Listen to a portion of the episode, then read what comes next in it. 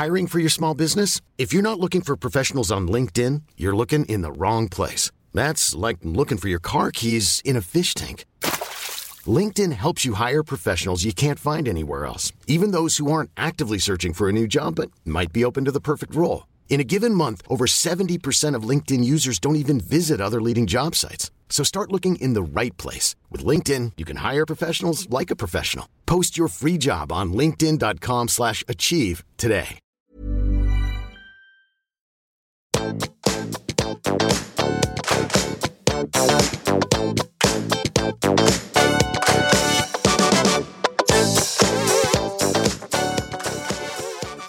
Sammen, og velkommen tilbake til podkasten Karriereveiledning med Elaine.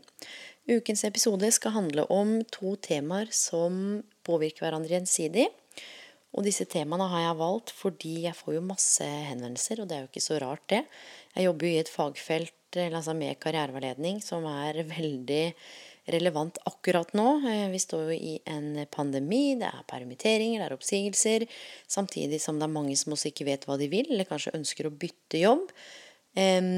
Og Derfor så tenkte jeg på at jeg skulle koble på noen tanker fra positiv psykologi opp mot noe som hvert fall jeg får mange henvendelser om, og det er i ulike form og farger, og det er altså karriereangst. Um, så vi skal ta for oss det. Og nå må jeg si én ting. Jeg er verken psykolog eller lege, så hvis vi snakker om selve diagnosen angst og, og de utfordringene som følger med der, så er det ikke nødvendigvis det dette her dreier seg om. Dette her er mer en sånn form for frykt som kanskje ikke stikker så dypt som opplevelsen av angst kan være.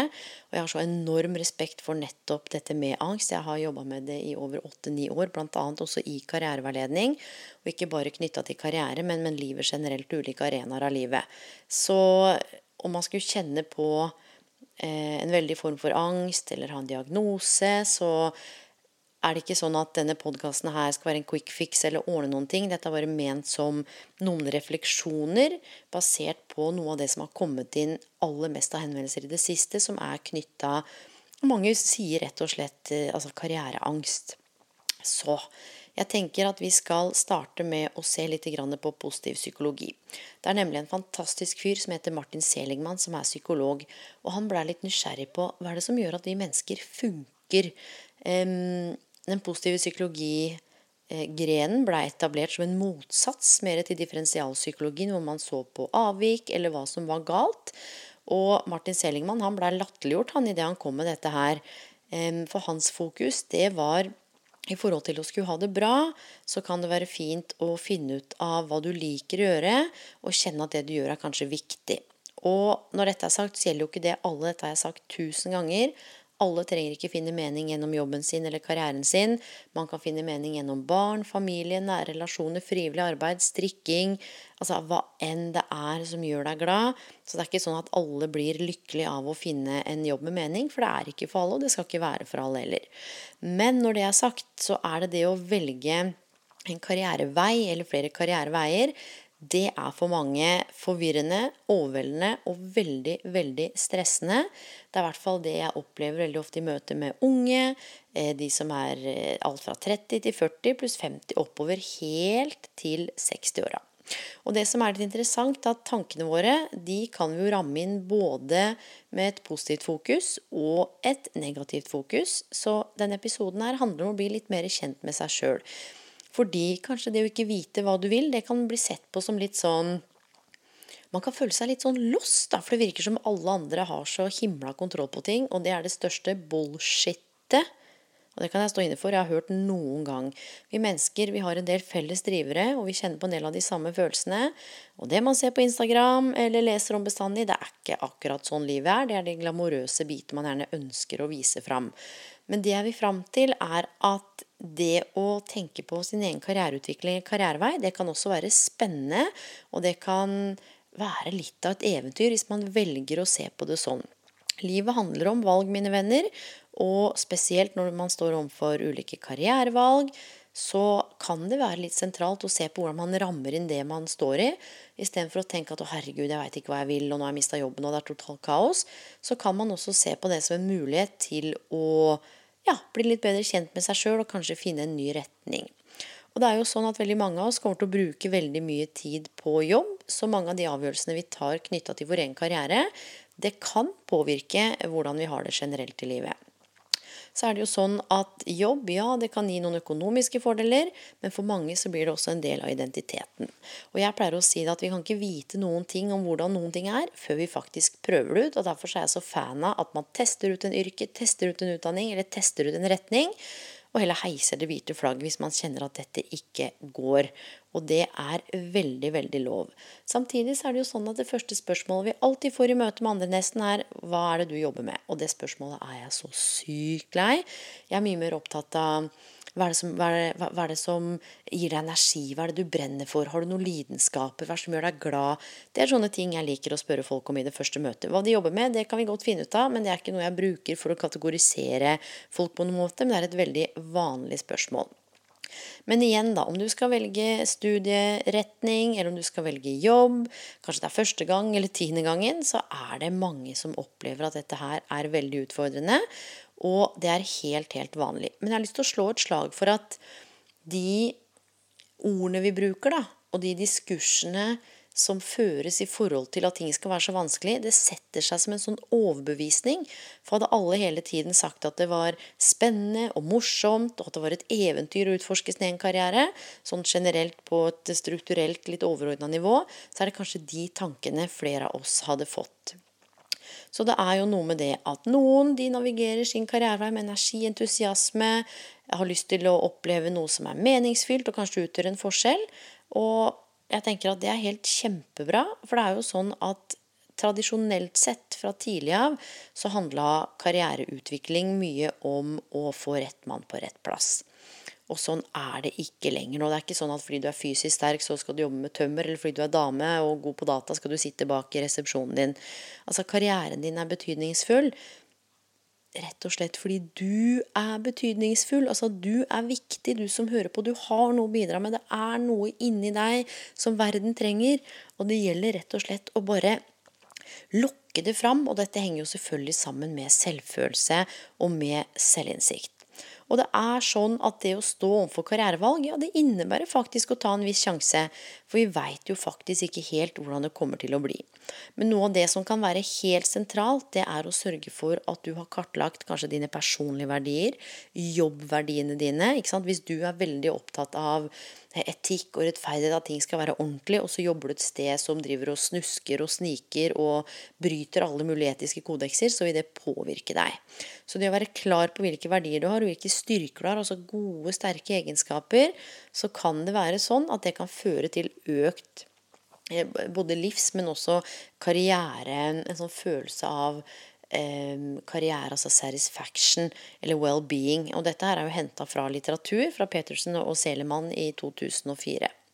Og så er det sånn at karriere handler bare ikke lenger om å klatre i karrierestigen, mine venner. Jeg har sagt det før.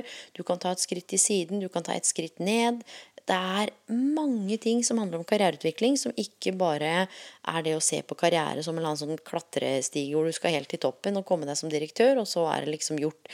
Det er jo selve den reisen. Og noe av det Seligman er opptatt av, at vi må sette av tid til å finne ut hva er våre signaturstyrker, og identifisere det. Og en av mine signaturstyrker, det er formidling, det er relasjonskompetanse og møte med mennesker. Det er evnen til å lytte og, og rett og slett finne eh, gode perspektiver og finne mulighetsrom. Um, og derfor så sitter ikke jeg og jobber med analyse eller f.eks. med Excel, for jeg tror at det hadde virkelig ikke vært noe for meg. Så jeg har klart å kombinere en del av signaturstyrkene mine med det jeg gjør, og det gjør at jeg også føler at jeg bidrar, og at jeg på en måte opplever glede i møte med andre, for det er en så stor del av identiteten min, og er også i tråd med verdiene mine, som er medmenneskelighet, omsorg, det å hjelpe, bla, bla, bla.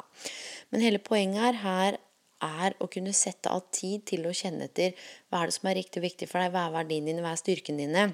Men samtidig så er det noe som er interessant. Det er en annen karriereteoretiker. Han heter Edvard Schein. Han er nå professor emeritus.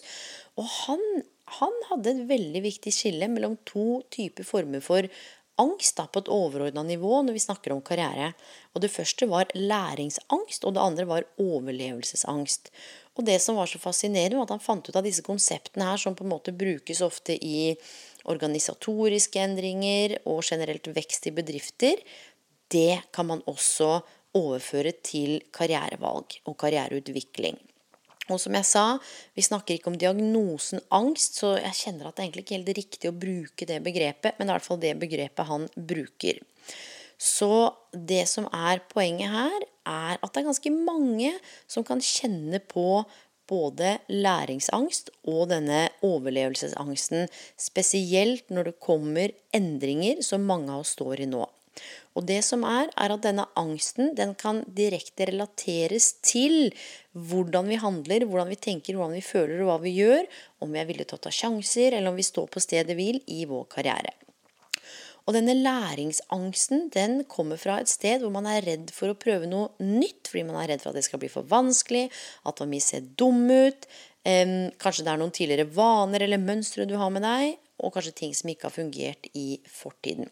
Og dette her tenker jeg at vi kan koble på Carol Dweck sitt mindset. Hun har jo forsket på dette med tankesett i over 20 år. Hun er psykolog ved Stanford University og kommet fram til to ulike typer tankesett som jeg snakket om tidligere. Det første er et læringsorientert tankesett, og det andre er et, er et uh, låst tankesett. Og I det låste tankesettet så finner vi trekk som jeg liker ikke å prøve nye ting. Intelligensen og evnene mine de er fastsatt. Det er liksom det det er. Jeg liker ikke feedback, det tar jeg som kritikk. Ehm, det er f.eks. at jeg er redd for å feile, og jeg blir misunnelig når andre lykkes. Men hvis du har et utviklingsorientert tankesett som også er knytta til et læringsorientert tankesett, så liker du å motta feedback, for du ser på det som mulighet til å vokse. Du liker ikke å gjøre feil, men du står i det, for du tenker 'hva kan jeg lære', og 'hvordan kan jeg vokse som menneske'? Du liker rett og slett å prøve nye ting, og så tenker du følgende Det er evnene mine og holdningene mine som avgjør om jeg lykkes. Og dette her er ganske interessant fordi ofte så er det den læringsangsten som vi ikke helt klarer å sette ord på, som kan faktisk sette en stopper for de tankene vi har om oss selv i forhold til mestringstro, mestringsforventning, hvordan vi skal håndtere en ny rolle, spesielt knytta til det å lære noe nytt. Og det er den frykten der Ofte så kaller man det stress, men stress er bare et annet begrep for frykt. Så det å sette av tid til å virkelig enten snakke med en karriereveileder Du kan få gratis karriereveiledning på karriereveiledning på, karriereveiledning eller på alle de fylkesvise karrieresentrene. Det å trene på å begynne å tørre å ta sjanser, være litt modig. ikke sant? Det er masse trekk her som man kan kultivere og trene på, sånn at du kan tørre å ta det ene neste riktige skrittet, selv om det kanskje ikke er perfekt for du. Hør nå, hvem er det som er perfekt? Jeg er i hvert fall langt fra perfekt. Jeg pleier å si at jeg er litt rar, og jeg har tryna helt sykt mye, tatt masse rare valg. Og det er derfor også jeg er så glad i den karriereutviklingsprosessen. Her er det muligheter til å lære. Så har vi også den overlevelsesangsten, da, som Schein sier er ekstremt ubehagelig når vi står i endringer. Fordi denne angsten her, det er kanskje noe av det som gjør at vi nå må lete etter ny jobb. ikke sant? Når du er permittert, når du har mista jobben, når du kanskje har stått utenfor arbeid lang tid, du kjenner at du er drittlei jobben eller ikke orker mer. Um, og det er den følelsen at åh, nå, må jeg, nå må jeg fortsette å pushe meg selv nå om det skjer noen ting. At man ikke nødvendigvis behandler seg selv så pent, men man er veldig opptatt av å hele tiden skulle bevege seg fremover. Og det er den følelsen som forteller at nå må du faktisk bevege deg fra der du står, og over i noe annet. Og når denne overlevelsesangsten da blir sterkere enn læringsangsten, ikke sant? Det er når det derre ønsket om å vokse eller blomstre blir sterkere enn frykten for å mislykkes. Det er der Det er der du kan strekke deg på nye veier. Det er der du kan trene på å lære noe nytt. Og det er nå kanskje det er på tide å lete etter en ny jobb, eller kanskje gjøre et karriereskift, eller velge en eller annen utdanning.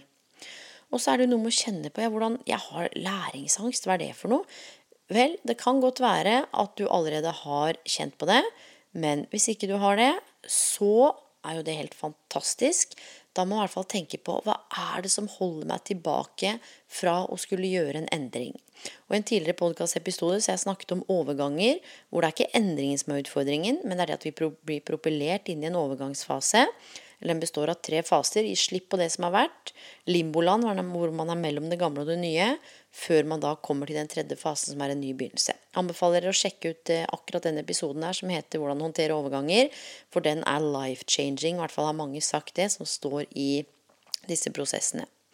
Men det å kunne trene på å inspirere deg sjøl til å handle selv om du kjenner på litt angst og nervøsitet, altså oppleve at dette her handler om å lære og ikke om å prestere. Og det kommer ikke til å være perfekt. Det kan godt være du kommer til å drite deg ut, men det er helt greit, for da har du i hvert fall evaluert.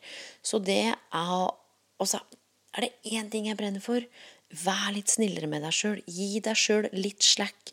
Se for deg at du er den bestevennen eller en du er glad i, som er i din situasjon, som du skulle forsøkt å trøste eller i hvert fall gi noen velmenende råd eller gode ord til. Behandle deg selv sånn som du ville behandla noen du er glad i. For selv om du er helt lost, så er det ingenting gærent med deg. Er du klar over hvor mange flere tusen mennesker i veiledning jeg har møtt, i alle aldre, fasonger, kulturer, bakgrunner, som har kjent på det å ikke vite hva de vil? Så bare det å bli bevisst at du er redd for eh, f.eks. å feile, eller du er redd for å lære nye ting i tilfelle du ikke mestrer, altså bare det å kunne sette ord på hva det er, det kan være veldig, veldig viktig. Og det er helt greit å kjenne på litt uro. Og min komfortsone er ikke lik din komfortsone, så kanskje for deg er det å gå ut av komfortsonen og bare ringe noen og si at du opplever at det er litt tøft, mens for andre så kan jo det å være å gå og banke, banke på døra til en arbeidsgiver, eller kanskje disse koronatider, ringe, da. Så det er ikke noe rart at vi kan bli nervøse i en eh, type prosess som kan kreve mye av oss, og vi trenger å få sortert og kartlagt litt grann, hva er det første skrittet, hva er det andre, sånn at ikke vi ikke stopper helt opp, for nøkkelen her er bevegelse. Og rett og slett gjøre kanskje én liten ting hver dag.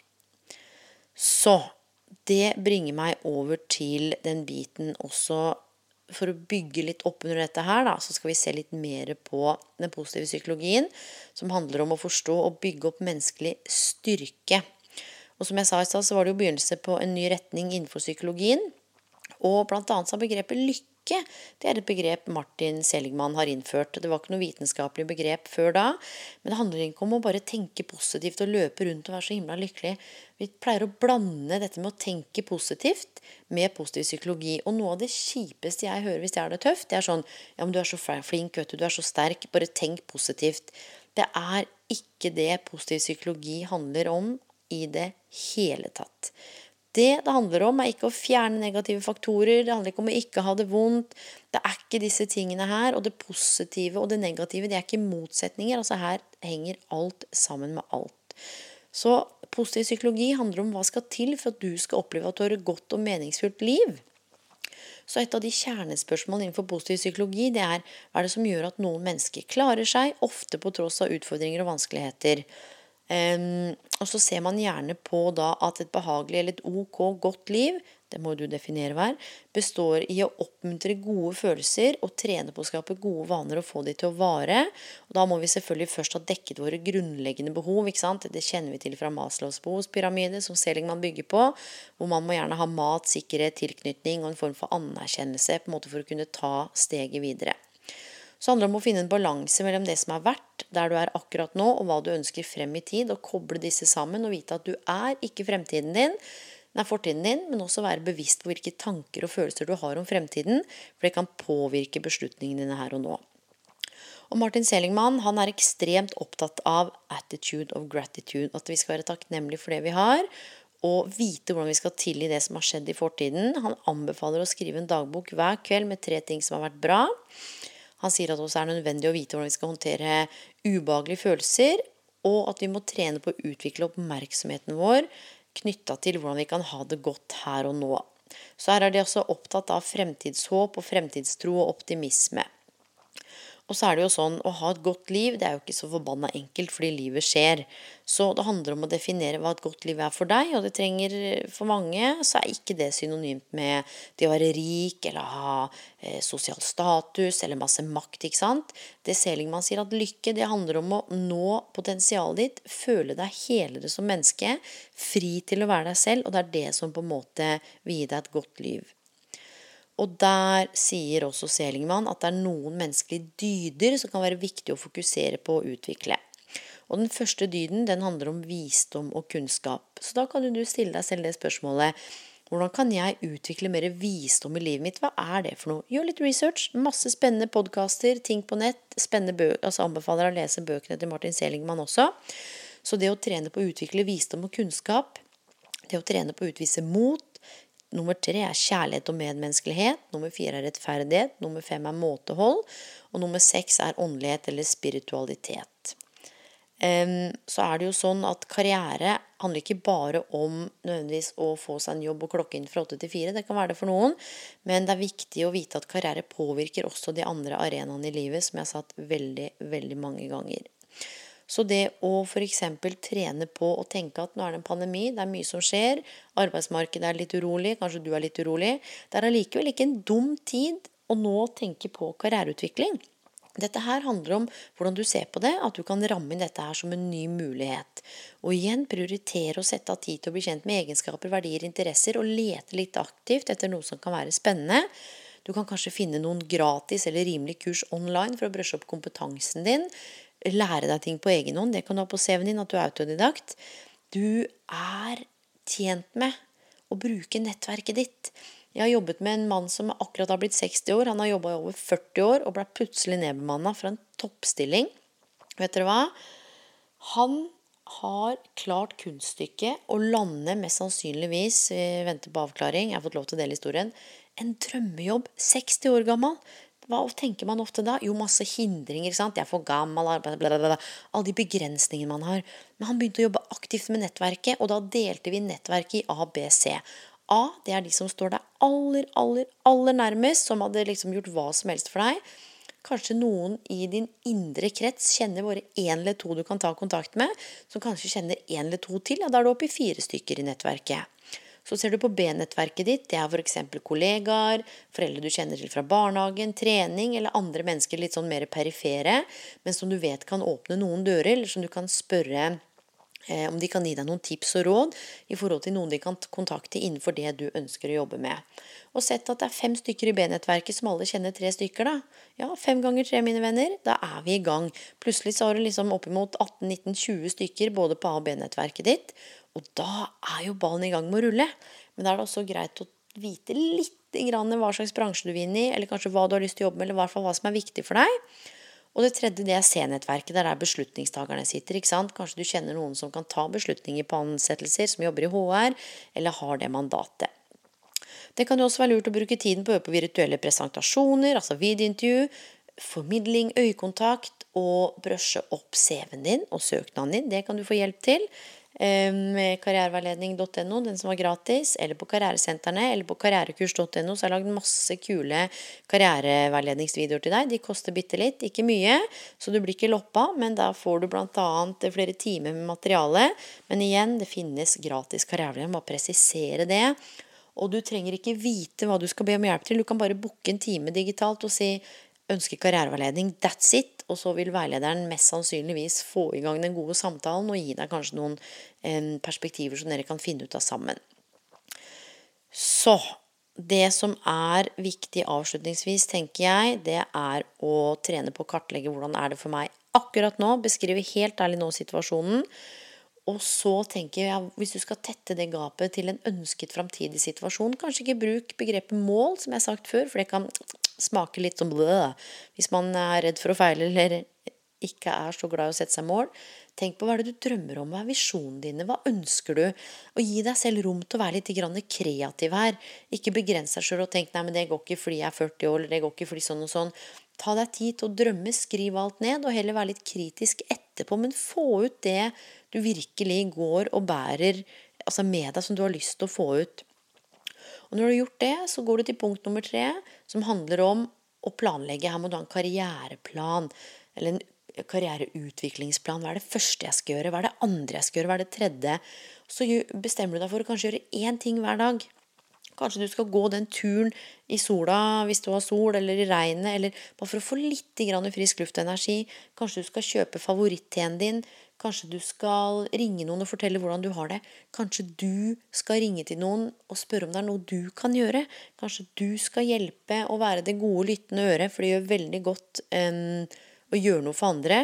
Både når vi har det godt selv, men også når vi er litt lost selv. Og bare det å kunne lytte og være til stede for et annet menneske, det gir en veldig, veldig, veldig god følelse. Så det å ta initiativ til å hjelpe andre, det kan være viktig, og kanskje du finner en ny karrierevei fra det.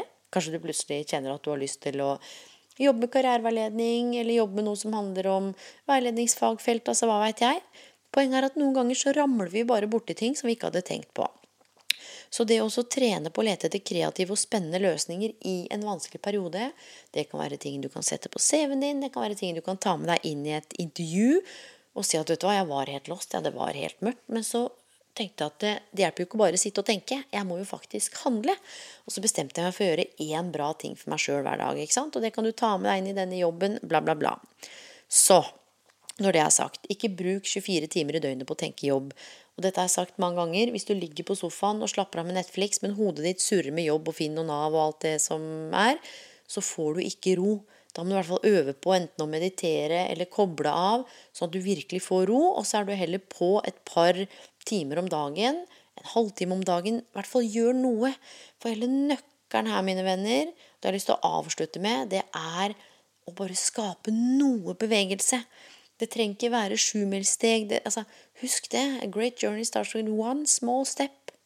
Den ene lille tingen, kanskje å ringe en tidligere leder og få på plass referansen din, attestene dine. Snakke med kollegaene dine. Hvordan ville de beskrevet deg? Og så gjør det som er riktig og viktig for deg. Så sånn for å oppsummere, da, så handler det om å kjenne litt på hva det er som gjør at det ikke Hva er det som hindrer meg å bevege meg? Er det læringsangst? Er det frykten for å prestere? Eller skulle feile? Hva er det dette dreier seg om? Og hvordan kan jeg bruke noe av dette fra positiv psykologi til å trene på personlig ærlighet? Utvikle mot, kunnskap og visdom. Ikke sant? Alle disse tingene her. Dette var bare noen tanker jeg kjente jeg brant inne med, som jeg hadde veldig, veldig lyst til å dele med deg. Håper noe av dette her var nyttig. Jeg pleier å si ta med deg det du finner inspirerende. Drit i resten. Er det noen du tenker trenger å høre dette her, så del podkasten. Eh, send meg en mail hvis det er noe du vil at jeg skal ta opp. Eh, så ønsker jeg dere en god kveld, god natt, god morgen eller hvor enn dere er i verden. Og så gleder jeg meg til å komme tilbake til dere med en rykende fersk episode neste uke. Og med det, mine venner, så takker jeg for nå og på gjenhør. Ha det.